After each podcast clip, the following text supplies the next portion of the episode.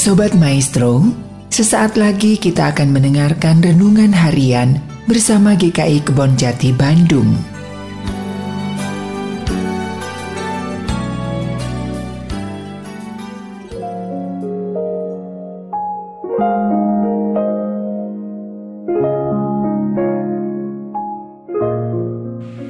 Bapak Ibu saudara yang kasih Tuhan Yesus Kristus bertemu kembali dengan saya Pendeta Daud Solihin dari GKI Kebon Jati. Tema renungan harian saat ini adalah panggilannya yang menggelisahkan. Saudara-saudara, kata menginjili di lingkungan GKI agak tidak biasa.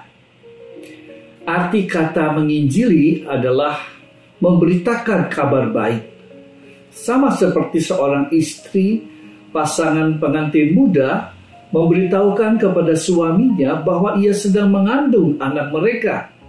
Berita ini tentu saja menggembirakan suami dan istri, tetapi juga siapa saja yang mendengar kabar berita itu.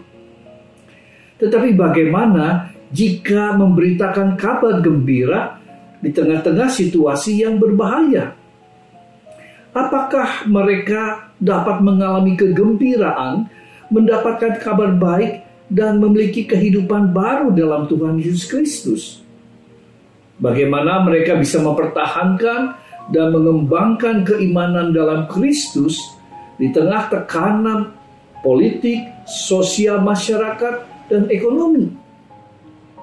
Apakah mereka dapat mempertahankan kegembiraan sebagai dampak dari pemberitaan Injil Tuhan Yesus Kristus yang disampaikan oleh para rasul.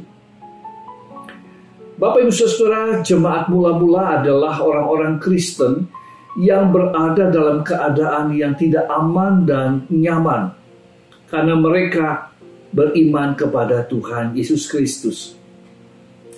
Kekaisaran Romawi menganggap mereka sebagai pemberontak. Memberontak dari kaisar yang juga dipahami mereka sebagai dewa yang ilahi. Mereka orang-orang Roma jemaat yang percaya kepada Yesus ini kemudian dianggap memberontak karena iman mereka.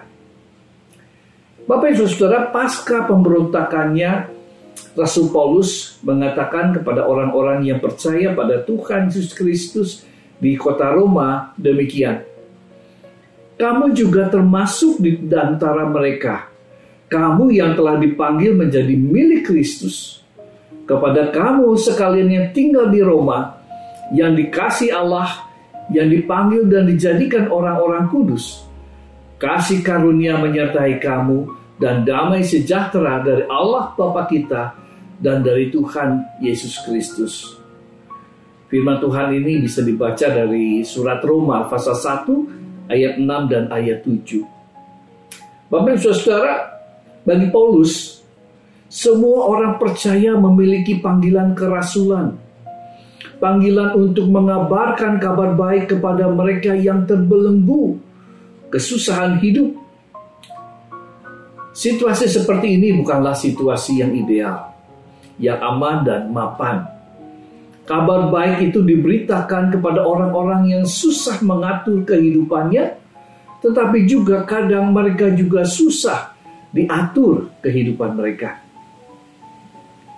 Kadang kondisi panggilan kerasulan ini membuat kehabisan energi, menguras emosi, dan ada pengorbanan-pengorbanan yang perlu dilakukan agar panggilan menjadi murid Kristus yaitu memikul salib, menyangkal diri, tetap menjadi tanda kemudian kita. Karena itu Paulus melanjutkan perkataannya bahwa ada kasih karunia dan damai sejahtera dari Allah Bapa dan dari Tuhan Yesus Kristus menyertai mereka yang mengabarkan kabar baik dan mengangkat kesusahan hidup sesamanya. Shalom bukanlah berarti tidak ada konflik, damai sejahtera ini adalah milik Tuhan dan bukan milik kita. Tetapi ia anugerahkan kepada kita agar kita merendahkan hati dan memiliki keterbukaan dalam mengikuti panggilan Kristus ini. Kan itu marilah kita terus setia mengabarkan kabar baik sepanjang kehidupan kita. Dia menyertai kita. Amin.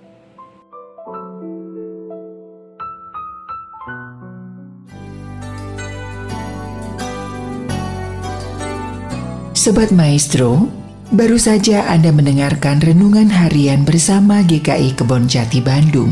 Tuhan Yesus memberkati.